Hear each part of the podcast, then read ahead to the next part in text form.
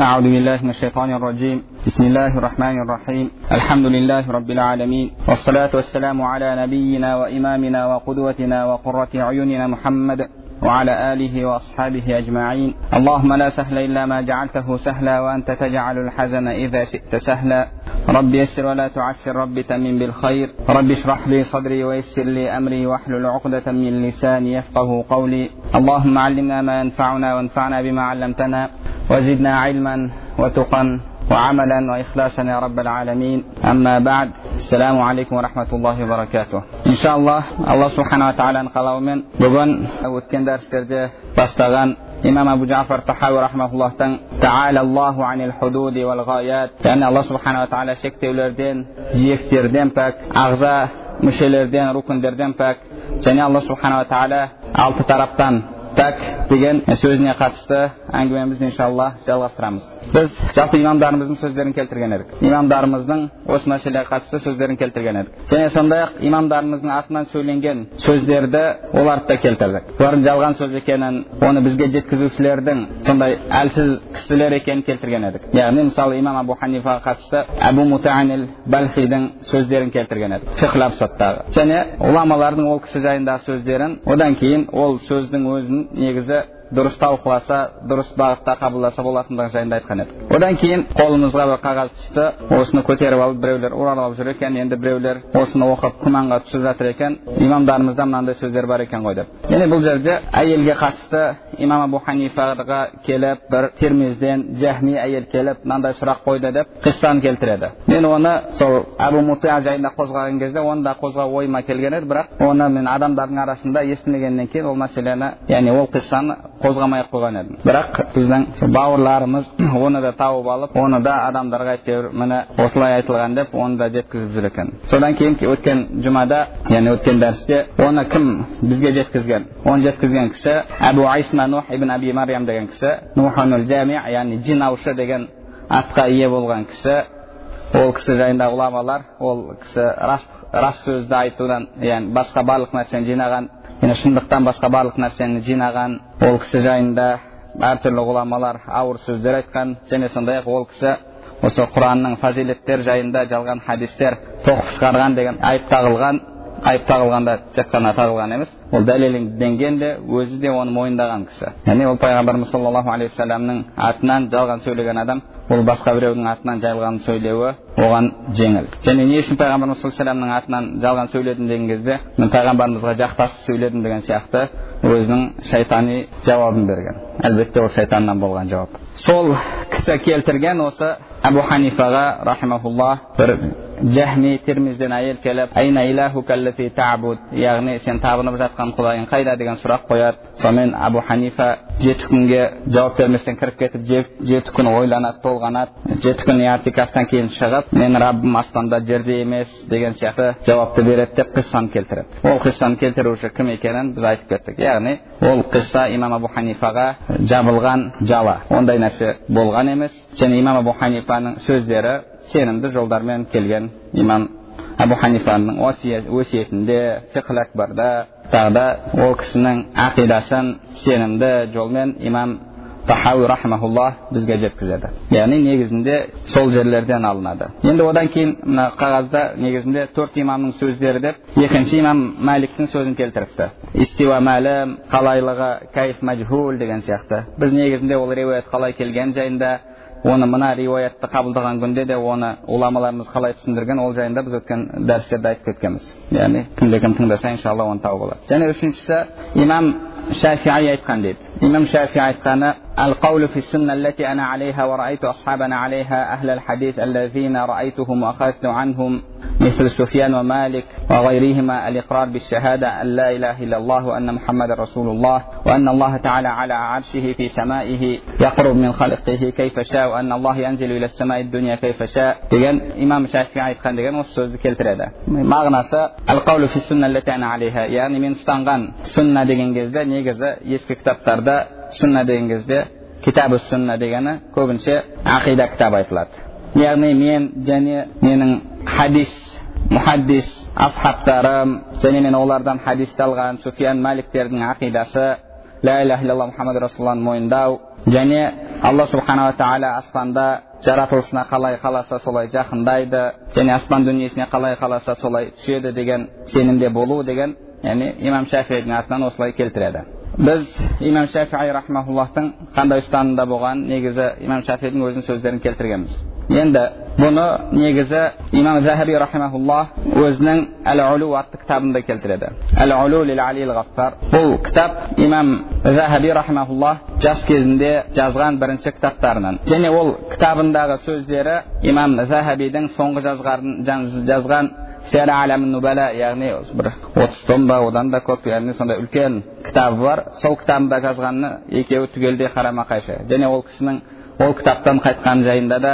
риуаяттары келеді сол әулу кітабында келтіреді енді имам захаби рахмаулла басында ибн таймия шәкірті болады бірақ өмірінің ортасына қарай ортасынан ауған кезде ол кісінің насиха захабия яғни имам захабидің насихаты деген атпен танылған ол имам ибн таймияға жазған несі бар. Өсиеті бар насихаты бар. Және сера нубала кітабында да яғни ибн таймияға қатысты өзінің пікірлерін жазған бірақ ол қай бір себептермен қазіргі баспалардың арасында жоқ. Яғни өз имам захабидің деген кітабы сахабалардан бастап өзінің кезіне дейінгі ғұламалар жайында олардың кім болғаны жалпы таныстырып кетеді соның ішінде яғни қайсы бір себептермен әйтеуір ибн таймия жайында сөзі жоқ. Енді соның ішінде де осы насихасы келтіріледі. Ол жалпы білім иелерінің арасында өте танымалы кейбіреулер оны инкар қылып мойындамауға әрекет жасайды. Әйтеуір оны жоққа шығаруға бірақ негізінде ол білім иелерінің арасында кеңінен танылған. Онда айтқан сөздерінен ол кісінің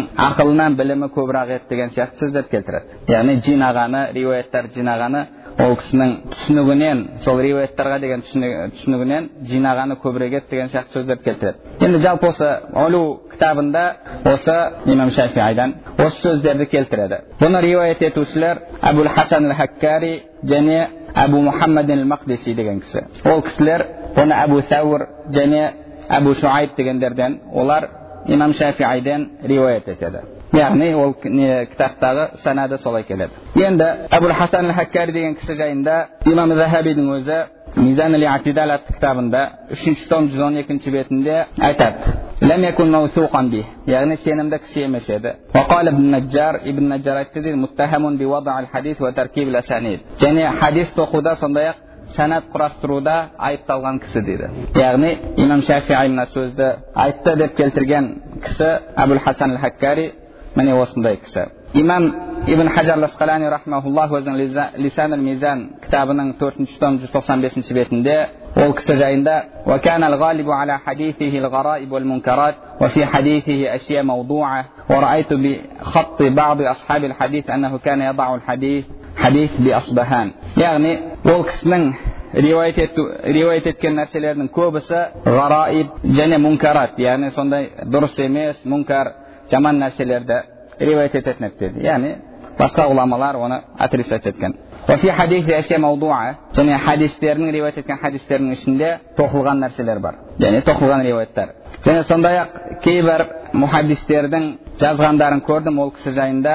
Ол кісі аспаханда отырып алып хадис оқитын еді деп ол жайында келтіреді бұны имам ибн хажар лисан мизан кітабында келтіреді ал екіншісі әбу мұхаммад мақдиси деген кісі бұл кісі жайында имам әбу шам әл мақдиси әд димашқи өзінің таражум риджал қарнайн яғни екі ғасырдың риуаятшыларының тарихы деген немесе әззайл әл атымен танылған осы кітапта қырық алты қырық жетінші беттерінде бұл кісінің мужассим болғанын және ғұламалар ол кісінің қанын халал дегенге дейін барғанын келтіреді. Және одан кейін бұл екеуі де бұны әбу шуайбтан келтіреді ал әбу шуайб имам хатиб бағдади тарих бағдадта тоғызыншы том төрт жүз отыз алтыншы бетінде бұл кісі имам шафии қайтыс болғаннан кейін екі жылдан кейін туылғаны жайында келтіреді яғни ол кісінің өзі имам шафиайдан риуаят етіп жатқан кісінің өзі имам шафиайдың көзін көрмеген ол кісі қайтыс болғаннан кейін екі жылдан кейін дүниеге келген кісі яғни оны тікелей естімеген жайында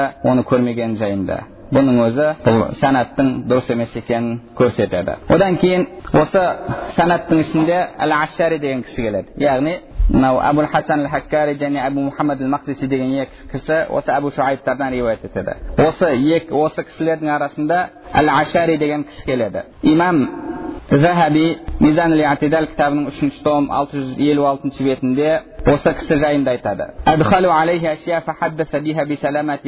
Яғни ол кісіге хадистен болмаған нәрселерді кіргізді дейді. Сонда ол кісі ешқандай жаман ойы жоқ солардың бәріне риуаят ете берді деді яғни ол жаман ойы болды болмады ол аллаху алям ол болды ма болмады ма оны біз білмейміз. Енді бірақ мына жерде солайынан келтіріпті минха ол кісіге тығып жіберген кезде ойланбастан оны тексерместен риуаят еткен нәрселерінен дейді ашура ашура түнінің абзалдығы жайында келген жалған хадис дейді және сондай ақ имам шафиайдың ақидасы яғни ол кісінің өзіне ол нәрселерді тығып жіберген кезде ол соны ойланбастан тексерместен риуаят ете берген дейді бұны имам кітабында айтады яғни осы кісілерден бұл сөздер келіп жатыр. Ал бұл қарап тұрсақ ол егер хадис ғылымына хадис ғұламалардың таразысына салып бұл кісілерді тексеріп көретін болсақ бұл кісілердің бәрі жалғаншы кісілер екені көрініп тұр. Ал ол кісінің сенімді жолмен келген сөздерін біз имамдардың сөздерін оқып берген кезде келтіргенбіз және одан кейін төртінші имам ахмад рахимахуллахтың сөзін келтірген кезде мына жерде біз имам ахмад айтты дейді біз алла субханала тағала находится депті бұл жерде ол жерде біз оқып бергенбіз бұл сөздерді ол жерде ешқандай находится деген сөз келмеген біз айтқандай ол жерде алла субханала тағала аршыға истеу етті өзі қалағандай және мына жерде өздері де келтіріп қойыпты бірақ оны келтірген кезде түсінбеген ау без ограничений яғни белахат деген яғни негізінде олар етті деген кезде без ограничений демейді олар керісінше ограничениемен дейді яғни аршыға истеу етті және аршымен шектесті дейді ал бұл жерде бұл келген имам ахмадтың сөзі ол бізге дәлел болады оларға емес. Неге? Себебі ол истива біз айтамыз ол ешқандай шектесу емес. Яғни алла субханала тағаланың истива етуі ешқандай шектесу емес. Ол құранда келген хабар біз оны растаймыз. Бірақ алла субханала тағаланы шектеуден шектелуден бір нәрсемен шектесуден алла субханала тағаланы пәктейміз яғни бұны өздеріне дәлел болады деп келтіріпті бірақ бұл оларға ешқандай дәлел болмайды. Себебі билахат деген нәрсе яғни шектеусіз алла субханала тағала шектеспейді деген сөз олардың шынайы аршыға орнықты алла субханала тағала деген сөздерін жалғанға шығарады яғни тура осындай халдегі осындай дәрежедегі сөздерді ибн ал қайимда өзінің исламия атты кітабында келтіреді исламия атты кітабында да тура осындай өте әлсіз сәнәдінде әртүрлі жалған сөйлеуде айыпталған адамдар бар қиссаларды келтіреді яғни біз өткен сабақтарда айтқандай бұл кісілер дәретті бір мұстахаб болған немесе сүннат болған мәселеге қатысты әлсіз хадис келсе сол үшін соғыс шығарады бірақ ақида мәселесіне келген кезде өздеріне дұрыс келетін сөздер болатын болса оны көзін жұмып ала береді сол үшін де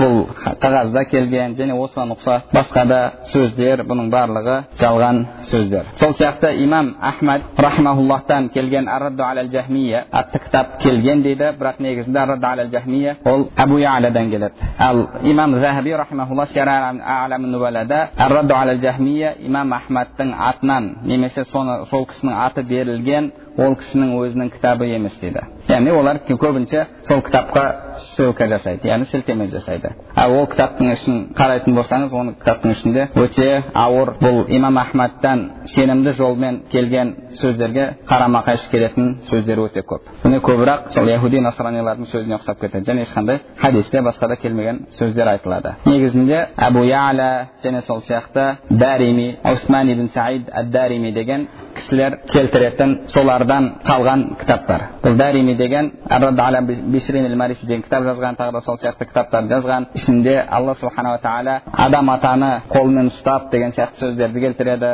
және сол сияқты кімде кім алла субханала тағаланың шектеулі екенін мойындамаса ол адам құранды хадисті жоққа шығарған деген сияқты.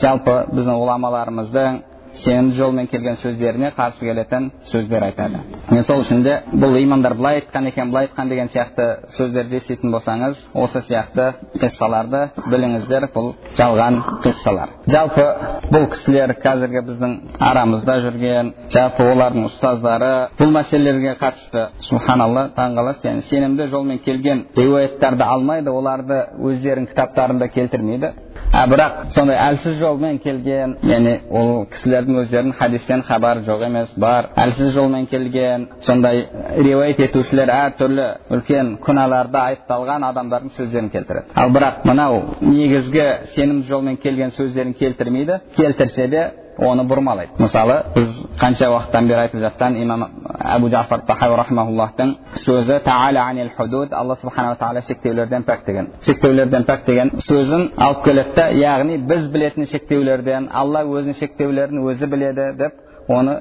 сөзін алып келіп 180 градусқа бұрады міне алла шектеулерден пәк деген сөз анық ол яғни сондай үлкен имам ол алла субханала тағала шектеулерден тұратынын білсе оны алла субханала тағала біз білетін шектеулерден пәк дей салу ол кісіге қиын емес оның үстіне ол кісі бұл менің кітабым баян деп жатыр ол қысқаша бір сөздерді түсініксіз сөздерді келтіріп жатырмын деген жоқ таала анил худуд әл деген яғни түгелдей барлық дегенді білдіреді мысалы әл бұл жерде джинс дейді джинс деген яғни сол нәрсені түгелімен қамтиды мысалы құранда алла субханала тағала инсана дейді иннал инсана бұл жерде әлифлам дейді ғұламаларымыз джинс дейді яғни бүкіл адамзат деген сөз әл истиғрақ яғни бар сол нәрсеге қатысты барлығын қамтитын мағынада келген кезде истиғрақ джинс дейді таала анил худу дегенде яғни шектеулі шектеу деген атаулы барлық нәрселерден пәк дейді яғни алла субханала тағалаға қатысты заман ол да шектеу мекен ол да шектеу алла субханала тағала ол нәрселердің барлығынан пәк ал бұлар келеді да оны жоқ. Бұл жерде яғни өзі шектеулерін өзі біледі дейді мысалы фаузанның лекциясын тыңдайтын болсаңыздар яғни ол өзінің шектеулерін өзі біледі деген сөзді келтіреді. Бұның барлығы әлбетте бұрмалау. Және олар ол кісілер былай айтқан деген кезде де көздерін жұмып алып мысалы сәләф ғұламалар айтқан дейді да кейін ибн таймиян ибн таймия айтты деп келтіреді. Немесе сәләф ғұламалар айтты дейді да ибн таймияның сөздерін келтіреді. Яғни ибн таймия ешқандай сәләфтан емес. Және бір таңғалатыныңыз сәләф салихтың сөздерін тек қана бір кісі арқылы қабылдайды да яғни сәләф салахтың өзінің сөздерін келтіріп тұрсаңыз өзінің кітабынан келтіріп тұрсаңыз оны қабылдамайды бірақ ибн тайми айтқан сәләф ғұламалар былай деген десе а болды не дейді араб арабтар айтады аля басына қойып алады да сонымен уралап жүреді яғни бұның бәрі негізінде артында көзделген нәрсе сол мұсылмандарды тек қана сол таластыру мұсылмандарды тек қана өзара бөлу яғни негізінде бұл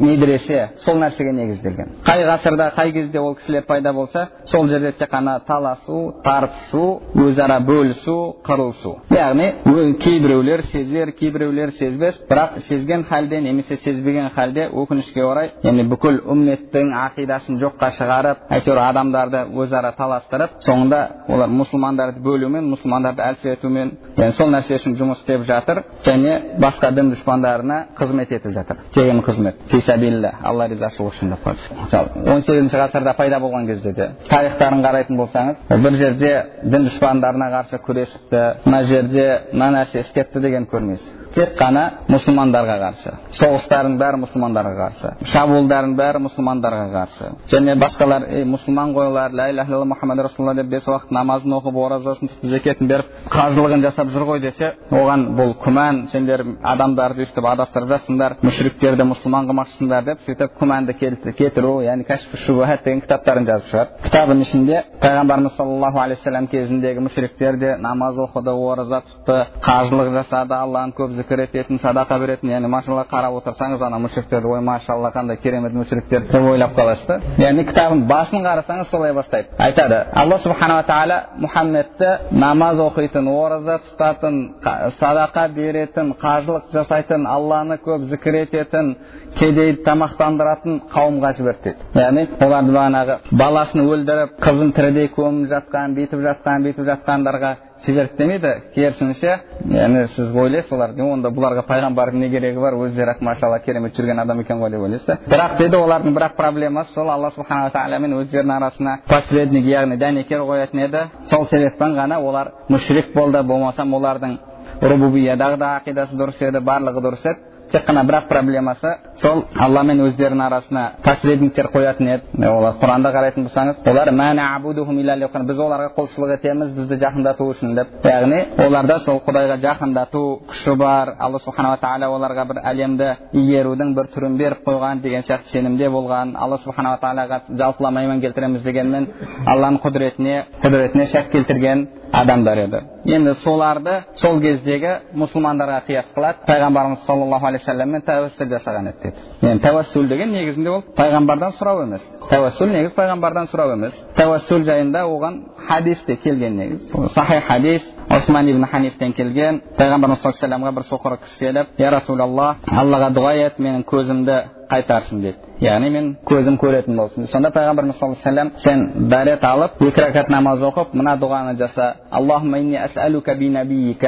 рахма ей аллах мен сенен сұраймын яғни бұл жерде алладан сұраймын деп тұр алладан сен өзіңнен сұраймын деп тұр рахма яғни пайғамбарыңмен рахмат пайғамбарымен сұраймын деп тұр яғни тәуәссүл деген нәрсе осы тәуәссүл жалпы бұл жерде де ол пайғамбарымыз саллаллаху алейхи бір денесімен емес пайғамбарымыз пайғамбарымыз саллаллаху алейхи алла субханала тағаланың алдындағы дәрежесі алла субханала тағаланың алдындағы пайғамбарымыз саллаллаху алейхи вассаламның дәрежесімен бұны пайғамбарымыз саллаллаху өзі үйретіп тұр енді бұл кісілер бұл жерде бұл хадисті келеді да бұл хадис дұрыс сахих бірақ бұл жерде бұлар ол пайғамбарымызбен тәуәссүл жасаған жоқ пайғамбарымыздың дұғасымен тәуәссүл жасады деді бірақ хадисті анық қарайтын болсаңыз бинабиика деп яғни пайғамбарыңмен деп тұр пайғамбарыңмен сол үшін де ол ешқандай ғұламалар негізі ол ибн таймияға дейін ол пайғамбар тірі кезінде рұқсат еді пайғамбар қайтыс болғаннан кейін ол рұқсат болмай қалды деп бүйтіп бөлген емес негізінде. Ол мәселенің өзі негізі бөлген емес. Неге себебі? Ол пайғамбарымыз саллаллаху алейхи денесімен болып жатқан нәрсе емес. Пайғамбарымыз саллаллаху алейхи дәрежесімен. Яғни ол да амалмен тәуәссүлдің бір түрі. Ал амалмен тәуәссүл ету ол сахих хадисте келгендей үш кісі үңгірге қамалып қалған кезде амалдарымен тәуәссүл жасайды. Яғни бұл да пайғамбарымыз саллаллаху алейхи уассалам яғни дәрежесі ол кісінің амалы. Және оған дәлел ретінде пайғамбарымыз саллаллаху алейхи тірі кезінде ол рұқсат еді. Қайтыс болғаннан кейін ол рұқсат емес деп оған дәлел ретінде аббас радиаллаху анху жайындағы хадисті келтіреді. Омар радиаллаху анху сол қатты құрғақшылық қуаңшылық болған кезде дұға етеді. Ей раббым біз пайғамбарыңмен тәуәссүл ететін едік. Енді пайғамбарыңның көкесімен тәуәссүл етеміз деген сөзін келтіреді омар радиаллаху анхудың яғни пайғамбарымызбен тәуәссүл жасайтын едік енді қазір пайғамбарымыздың көкесімен деп негізінде бұл тәуәссүл деген мәселе яғни тәуәссүлдің бір түрі біреуге мен үшін дұға қылып қой алладан сұрап қойшы деу бұл да тәуәссүлдің бір түрі ол бүкіл ғұламаларда барлығында жайыз бүкіл ғұламаларда барлығында жайыз нәрсе яғни сіз бір алланың алдында дәрежесі иншалла жоғары деп өзіңіз ойда болған тақуалырақ деген кісіден мен үшін алладан сұрап қойшы деуіңіз ол ешқандай бір ширк емес пайғамбарымыз саллаллаху алейhi омар анхуға егер уайсил қарани саған дұға жасат енді дұға жасата алсаң дұға жасат деп ол кісіге айтқан еді уайс ол кісі табиин яманның кісісі және омар радиаллаху анху қажылыққа омраға келген кісілердің арасынан сол кісіні іздеп жүретін еді негізі бұны бұхари муслимдер келтіреді яғни бұл жерде тағы бір нәрсе мысалы абзал адам өзінен төмен адамнан дұға етші мен үшін деп сұрауына болады болмасам уайсил қарани омар радиаллаху анхудан дәрежесі төмен екені ол бәрімізге мәлім. Пайғамбарымыз саллаллаху алейhi кейін омар радиаллаху анху үмметтің хайырлысы екінші хайырлылық жағынан екінші адам. Әбу бәкір одан кейін омар яғни ал енді қуаңшылық кезінде құрғақшылық кезінде тәуәссүл жасау яғни дұға жасайтын адам керек. Біз бұрын пайғамбарымызбен тәуәссүл жасайтын едік. Яғни пайғамбарымыз саллаллаху алейhi арамызда тұрып дұға жасайтын еді енді қазір пайғамбарымыз арамызда жоқ. Енді біз кіммен тәуәссүл жасап жатырмық деді? Аббас радиаллаху анхумен тәуәссүл жасап жатырмық деді. Ғұламалар айтады неге енді аббас неге али омар радиаллаху анхудың өзі емес деді омар радиаллаху анху болмаса аббастан абзал хайырлылық жағынан аббастан абзал бірақ ол яғни аббас радиаллаху анху пайғамбарымызға жақын болғандықтан да туысы болғандықтан да яғни бұл да пайғамбарымыз саллаллаху алейhi тәуәссүлдің бір түрі деді енді негізінде ғұламалар кітаптарында қарасаңыз мысалы имам науауидің өзі де әзкар кітабында әл мәжму шархул мухаззаб имам ибн хаджар болсын басқа да қай ғұламаларды қарасаңыз барлығы негізінде ол тәуәссүл мәселесін оны ешқандай ғұлама бір ширк көріп оны тем более оған хадис келген және бұны тек қана осы қазіргі кезде оны ширк деп адамдар бір оған да бір шошынып қарайтын мәселе. Ол жерде ешқандай бір әулиеден сұрау емес басқа емес. Ол алейhi алланың алдында дәрежесі жоғары екені ол бәрімізге мәлім нәрсе. Пайғамбарымыз өзі соқырға үйретті. Яғни ол соқырдың жасаған тәуәссүлімен құрғақшылық кездегі тірі адамның дұға жасауы ол тәуәссүлдің бұл екеуі екі түрлі нәрсе. Яғни мынау мынаған қатысты емес. Олар келеді да мынаны мынамен мансух қылғысы келеді негізінде ол жерде ол екеуі бір біріне қатысты нәрсе емес. Яғни сонша ғұламалар яғни хадис келіп тұр сонша ғұламалар оны жайыз деп тұр. Бірақ бұлар оны ширкке шығарды және осы тәуәссүлді ана мүшриктердің бұттарға табынуына қияс қылды да бұлардың қаны халал деп сөйтіп оларға қарсы соғыс ашты соғыс ашты да соны бұлар да алла мен өзінің арасына посредник қойып жатыр. Мына жерде мүшриктер де өздерімен алланың арасына посредник қойды бұлардың қаны халал деп соны қияс қылды да ал кәшфі шубухат кітабын мысалы кітапты қарайтын болсаңыз шубханы кетіру дегені яғни басқалардың ей бұлар ля иляха илlalлах мұхаммад расулалла деп жүр ғой деген сөзін шубха деді да бұл күмән сендерге біреулердің тастап жатқан бұл күмәнға алданып қалмаңдар бұлар мүшрик оған дәлелдеп ана мүшриктерді келтірді сөйтіп пайда болғаннан бері олар яғни олардың дағуаты басталғаннан бері немесе қайта жанданғаннан бері сол уақыттан бастап тек қана олардың барлық проблемасы тек қана мұсылмандармен тек қана мұсылмандармен өзара қырылыстыру өзара дауластыру яғни мұсылмандарды ішінен іріту шіріту ішінен әлсірету оны біреулер сезер біреулер сезбес біреулері ради аллаха оны істеп жүрген шығар бірақ негізінде ол солай және ақида жағынан да тура сондай ол бүкіл осы имамдарымыздың барлығының ақидасына ол қайшы ақида? Бірақ өкінішке орай соны жандандырып осы ғана дұрыс ақида қалғанының бәрі бұрыс деп осымен де әлсіретіп жүр яғни бұл медресенің негізгі сипаттамасы яғни негізгі былай несін келтіретін болсақ тек қана мұсылмандарды әлсірету өзара бөліну яғни негізгі тағылымдары бөлінуге негізделген. Яғни барлығы тазаланып тек қана өздері қалған күнде олар өздерімен өздері тағы да бөлінеді. Болмаса мынау қарап отырсаңыз мысалы тәкфирлер деді тәкфир деді яғни бағанағы жарып жатқан өлтіріп жатқан басқа жатқан мұсылмандар жалпы ислам мұсылмандарды барлығын кәпірге шығарып жатқандар тағы да басқалары болсын жоқ ол дұрыс емес деп оларға қарсы сөйлеп жүргендері басқа барлығын қарасаңыз негізінде мойындайтын ғұламалары бір негізгі ғұламалары бір негізгі медреселері бір яғни олардың ешқайсысы қолын кіндігінің астына қойып ханафи мазхабымен намаз оқып матуриди дұрыс деп жүргендер емес барлығы бір медресе яғни негізгі тағылымдар осы бөлінуге басқалардың бәрін адасуға шығаруға негізделген и тек қана өзі мұсылмандарды өзімен қырылыстырып қоюға негізделген олар ешқашан олар бір ислам дұшпандарына қарсы күресейік сол жолда бірігейік деген сөздерін ешқашан естімейсіз керісінше оларда қауіп жоқ қауіп міне мына өзіміздің арамызда жүрген мұсылмандарда өзіміздің сабымызды өзіміздің арамызды тазалап алуымыз керек. Ол эгоист болсын басқа болсын олардың дұшпан екені анық олардан ешқандай қауіп қатер жоқ. Қауіп қатердің барлығы осы бес уақыт намаз оқып бірақ намаздан кейін қалып тәсіп тартып бір біріне алла қабыл болсын деп шығып жүргендерден қауіптің бәрі солардан келеді. Біз бірінші соларды тазалап алуымыз керек деген ойда жүреді. Яғни тек қана мұсылмандарды өзімен қырылыстыруды өзімен өзін ұрыстыру соғыстыру бір бірімен пайғамбарымыз саллаллаху алейхи вассалам өзінің хадисінде айтады. وتراحمهم كمثل جسد واحد. Мұсылмандар бір біріне деген мейірімділікте бір біріне деген махаббатта бір біріне деген жанашырлықта бір дене секілді. Деді бір дене секілді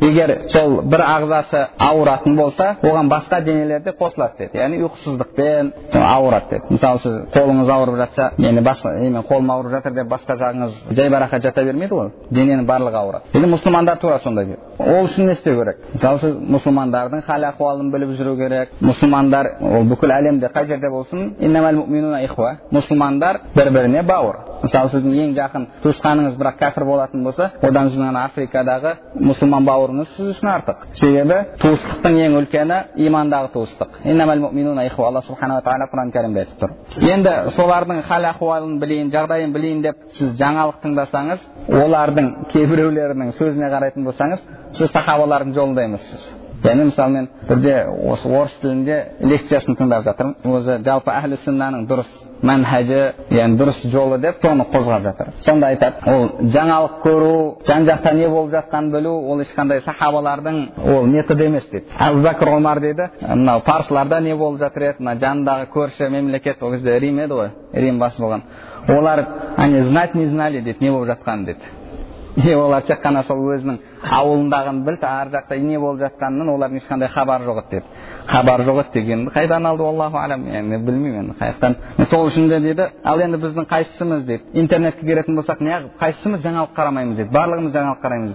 сөйтсе арасынан бір екеулер шыққан сияқты мен жаңалық қарамаймын о машалла вот сендер вот тура жолдасыңдар сендер сахабалардың жолындасыңдар дейді да яғни сен мұсылмандардың жағдайын білейін деп жаңалық қарасаң сен уже дұрыс жолда емессің жаңалықта көруге болмайды мұсылмандардың хал ахуалын білейін деп әлемде не болып жатқанын қызығуға да болмайды. Ол ол нәрсені істесеңіз сахабалардың жолынан шығып кетесіз.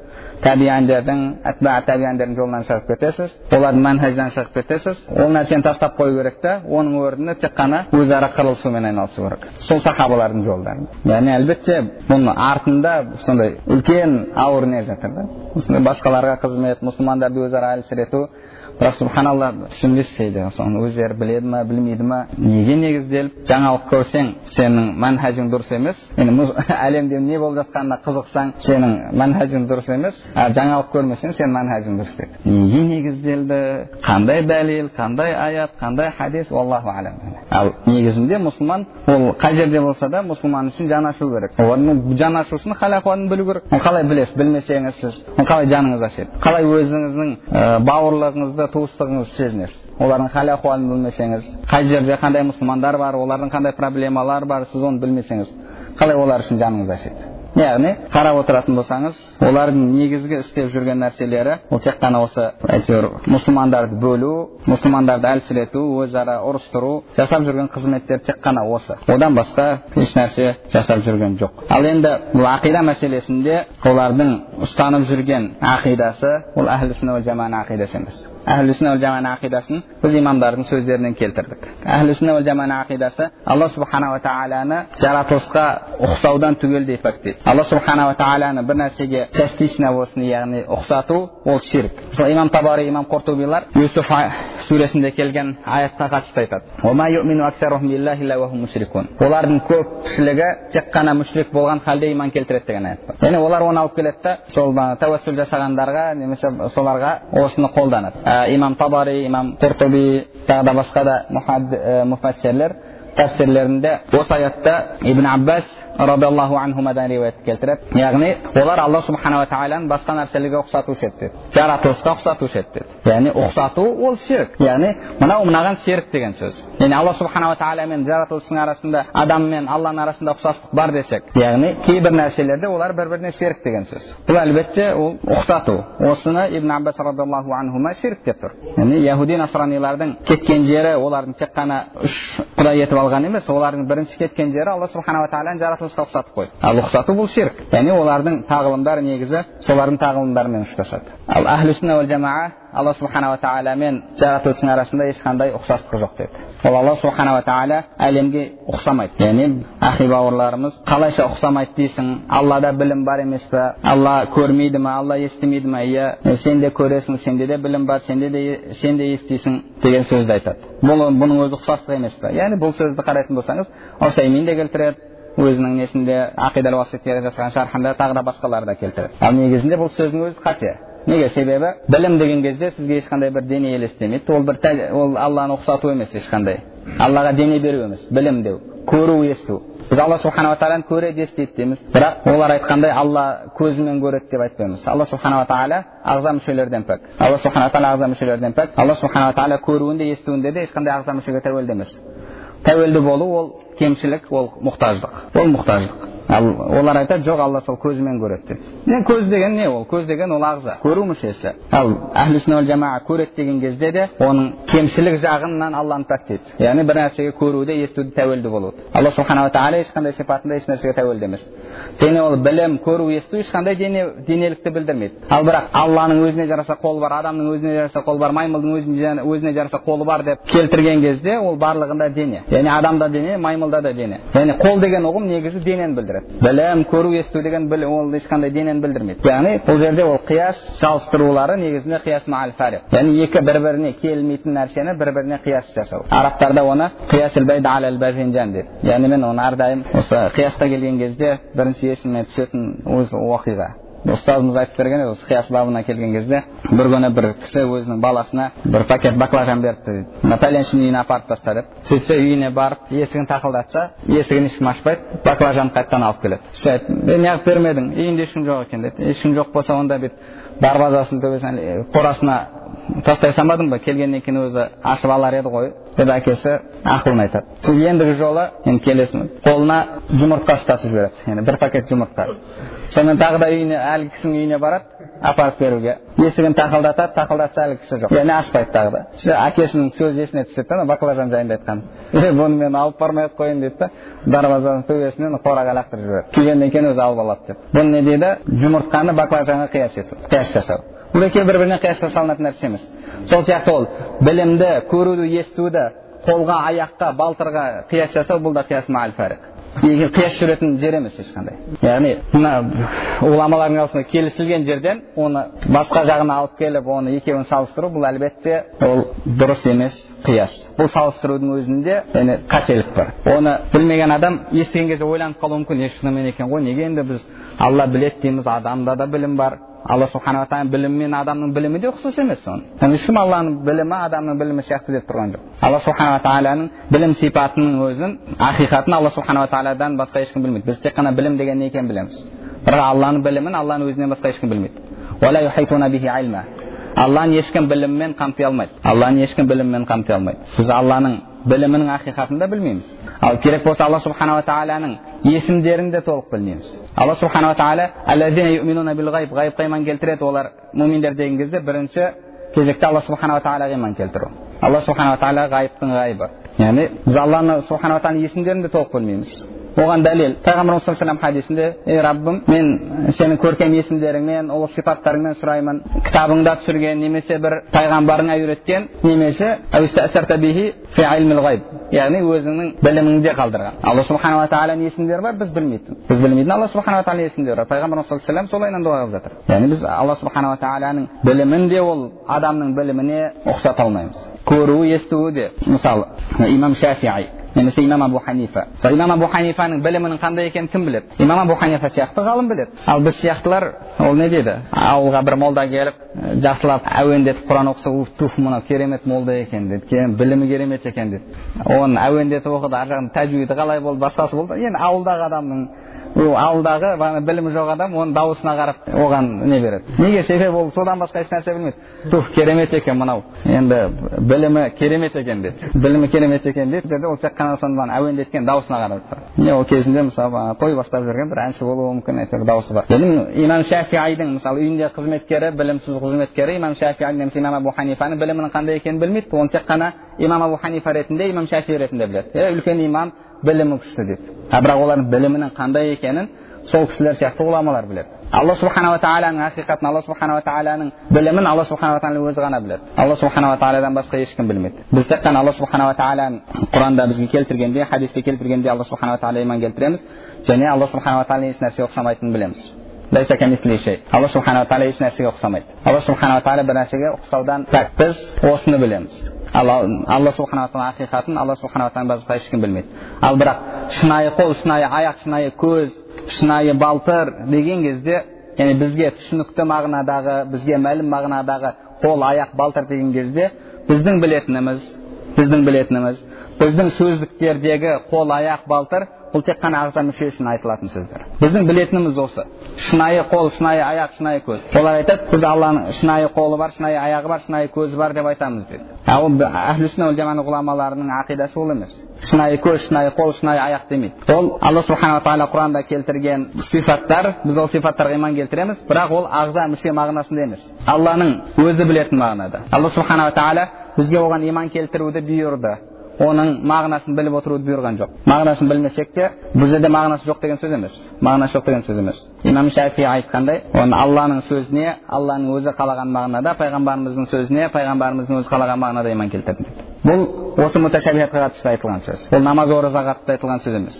яғни оның мағынасы бар мағынасын алла субханала тағаланы өзі біледі алла субханала тағаланың елшісі біледі бірақ оның пайғамбарымыз саллаллаху бізге оның барлығын пайғамбарымыз тек қана жеткізуге бұйырылған нәрсені жеткізді яғни барлық пайғамбарымыз саллаллаху өзінің білген нәрсесін бізге жеткізуі де міндетті емес пайғамбарымыз саллаллаху пайғамбар ретінде білсе оны бізге біл, жеткізу шарт емес енді расул ретінде елші ретінде алла субханала тағала білдірген нәрселерді бізге білдіру шарт елші себебі не елші посол яғни ол жеткізуші. Ал пайғамбар ол алла субханала тағала оқи қабылдаушы. Пайғамбар саллаллаху өзі айтты ғой егер сендер мен білген нәрсені білгендеріңде азырақ күліп көбірек жылар едіңдер деп. Бірақ біз пайғамбар саллаллаху білген нәрсесін білеміз ба білмейміз және пайғамбар саллаллаху оны айтқан жоқ. Пайғамбарымыз енді ол нәрсені пайғамбар ретінде білді елші ретінде емес. Егер елші ретінде яғни ол жеткізуші. Ал ол кезде бізге жеткізу керек болады. Яғни олар айтады мысалы біз алла субханала тағалаға мағынасын тапсырамыз десек олар айтады яғни оның ешқандай ол мағынасыз аяттар дейді оны пайғамбар да мағынасын білмейді деп айтады деген сияқты жалаларды жабады негізінде ол ондай емес негізінде ол ондай емес ал яғни біз бұл аят хадистер келген кезде бұл муташабият аят хадистер оның мағынасын аллаға тапсырамыз бірақ біздің анық білетініміз ол ағза мүше мағынасында емес себебі алла субханала тағала еш нәрсеге ұқсамайды ал біз оны ағза мүшесінде мағынасында қабылдасақ онда алланы ұқсатып қойғанымыз болады яғни олар бірақ ол нәрседен қашпайды иә алланың екі қолы бар біздің екі қолымыз бар алланың екі көзі бар біздің екі көзіміз бар алланың екі балтыры екі аяғы бар. Ал біздің екі балтыр екі аяғымыз алланың саусақтары біздің саусақтарымыз бар деп айтады. Бірақ ол екеуі бір біріне жүз процент ұқсамайды. Бірақ азғантай ұқсастық бар дейді. Яғни негізгі ұғымда ұқсастық бар дейді да. Негізгі ұғым қол қол аяқ аяқ көз көз жүз жүз. Өзіне жараса деп қойды. Өзіне жараса деген кезде ол әлбетте тек қана кайфият жағынан форма жағынан. Ал форма жағынан аятын яғни тек қана форма жағынан деп қабылдайды. Ал біз лайса деген кезде алла еш нәрсеге ұқсамайды түгелдей алланың ақиқаты алланың болмысы түгелдей өзгеше деп қабылдаймыз. Олар тек қана форма жағынан дейді. Ал форма жағынан ол сізге басқа нәрселер де ұқсамайды. Яғни олар негізінде мысалын өзі сол да адамның көзіне жараса иттің көзіне жараса алланың көзіне жараса дейді. Яғни формасы жағынан. Бірақ негізгі ұғым екеуінде де қол екеуінде де аяқ. Яғни бәрінде аяқ бәрінде жүз бәрінде қол.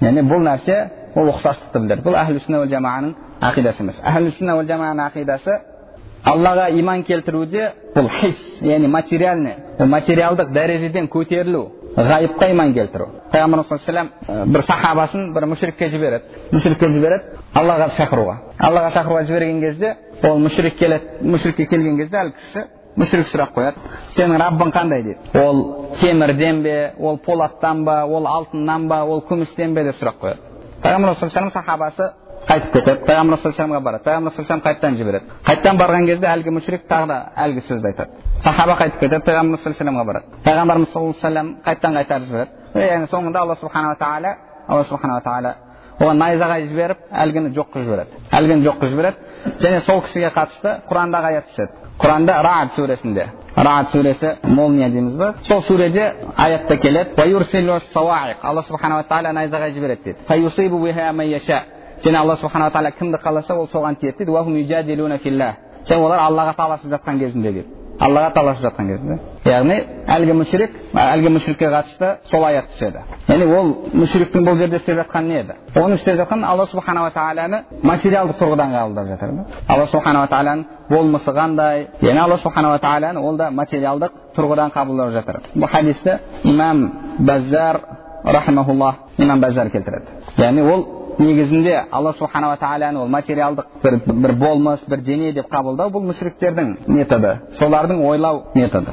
Ал адам ғайыпта иман келтірген кезде ол бұл дәрежеден көтерілу керек та ол жоғарылау керек. Аллаға иман келтіру деген кезде. Яғни имам әбу хамид ғазали рахимахулла айтады алла субханала тағаланы тануда тосылғандар яғни алланың жүректеріне алланың нұры кіруден білім нұры иман нұры кіруден тосылғандар әртүрлі дәрежеде олардың біреулері олар түгелдей аллаға иман келтірмегендер дейді түгелдей аллаға иман келтірмегендер әлгі атеист материалисттер одан кейінгілер олар құдай деп бар деп иман келтіреді бірақ әлгі сол материя деңгейінде материалдық деңгейде олар тек қана сол көз алдында көрініп ұсталатын нәрселерге олар иман келтіреді соған табынады одан да жоғарырақ дейді да ол оған көрініп ұсталуы шарт емес дейді бірақ ол қиялында яғни қиялдан асып кете алмаған дейді қиял деген не? Жалпы араб тілінде қиял деген кезде мысалы сіз бір нәрсені көресіз көргеннен кейін сіздің миыңызда соның суреті қалады. Яғни сіз көзіңізді жұмып соны елестеткен кезіңізде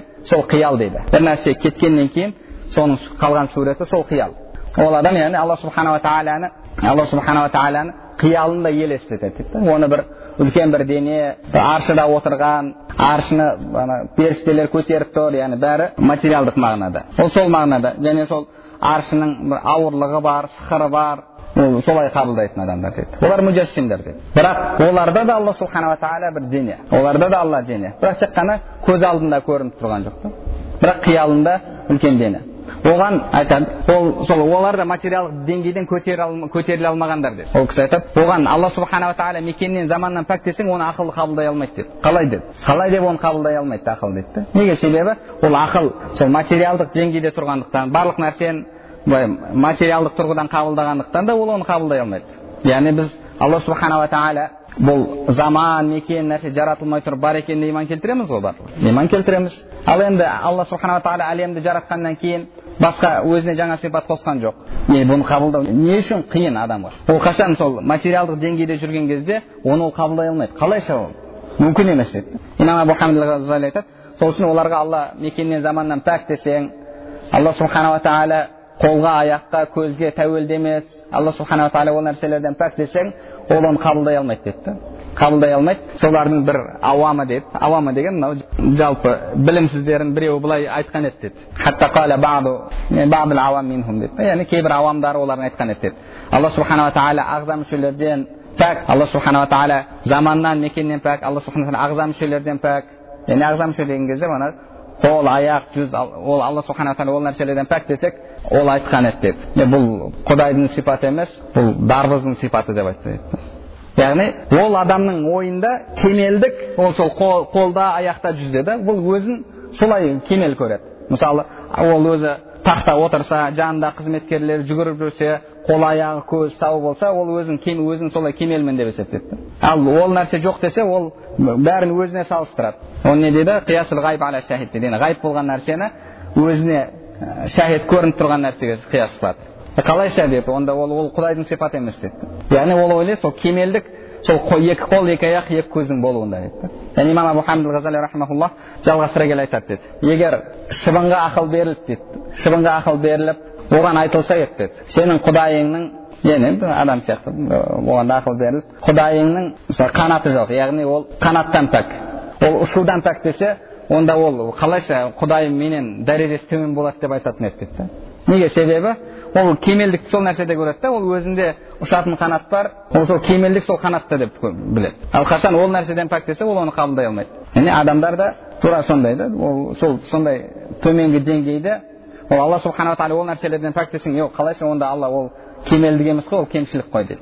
Бұның бәрі проблема адам өзіне салыстырып жатыр. Ал аллаға иман деген сөз ғайыпқа иман келтіру деген сөз бұл дәрежеден көтерілу ол материалдық дәрежеден көтерілу біз материалдық дәрежеден көтерілген кезде біздің алла субханала тағаланы дене болудан пәк алла субханала тағала заманнан мекеннен пәк деген қабылдау ол қиынға соқпайды адам өзі табиғаты көбінше сол көріп яғни көріп ұстап жүрген нәрселеріне жақын болады да бәрін солай қабылдағысы келеді бар нәрсені солай қабылдағысы келеді және ол сол нәрсеге көбірек яғни көңілі толады көп адамдар сол нәрсеге көбірек көңіл толады бұл кімдердің несі бұл кімдердің сипаты негізі бұл яхудилердің сипаты құранда алла субханала тағала яхудилердің сипатын келтірді оларға алла субханала тағала мәнна сәлуан беріп қойды мәнна сәлуа не мәнна сәлуа алла субхана тарапынан келетін оны егіп күтіп жүрмейді тамақ ұшып келеді жейді кетіп қалады бірақ олар ол ертең келіп келмей қалуы мүмкін ертең басқа одан да мұса алейхисаламға айтты давай біз одан да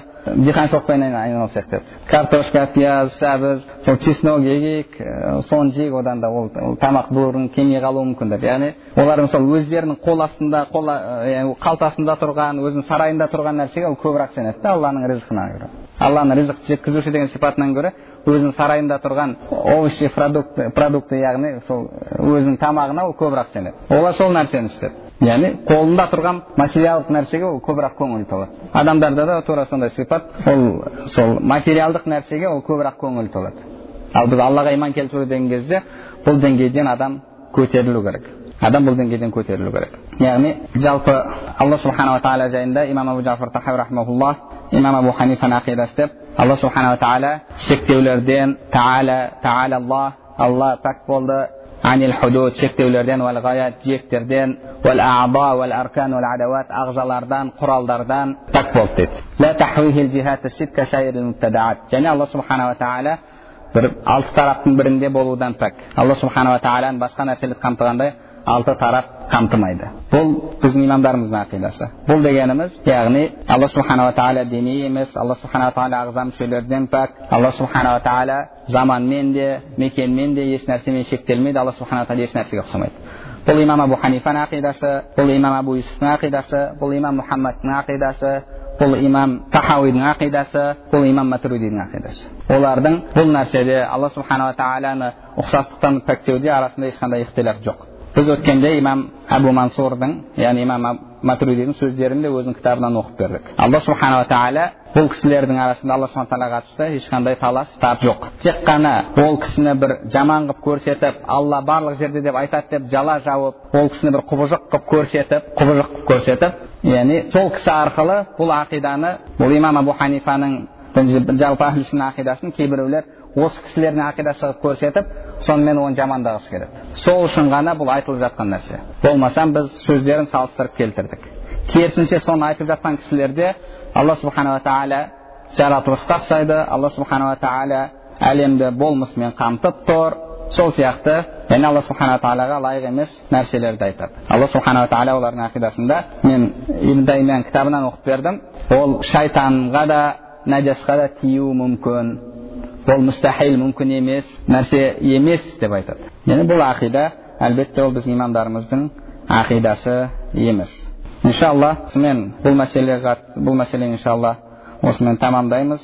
Иншалла біраз нәрсе яғни өткен сабақтарды бәрін толық тыңдап көретін адамға иншалла біраз нәрсе түсінікті болды иншалла деп ойлаймыз. Алла субханала тағала иншалла осы имамдарымыздың артынан жүруімізді әхлі сүнна жолынан шықпауымызды алла субханала тағаланы пәктеушілерден болып баруымызды алла субханала тағала бәрімізге нәсіп етсін алла субханала тағала әхлі сүнна жамаа жолында жүруді жалпы мұсылмандарды бөлушілерден мұсылмандарды мұсылмандарға қарсы жұмыс істеушілерден болудан алла субханала тағала бәрімізді сақтасын яғни иншалла осымен бұл мәселені тамамдаймыз ендігі дәрісте иншалла басқа тақырыпқа имам абу жафар рахмалла айтпақшы бұдан кейін исра ми'раж ақиқат деп ары қарай басқа тақырыпқа кіреді иншалла алла нәсіп етсе ендігі жолы сол тақырыптан бастап кетеміз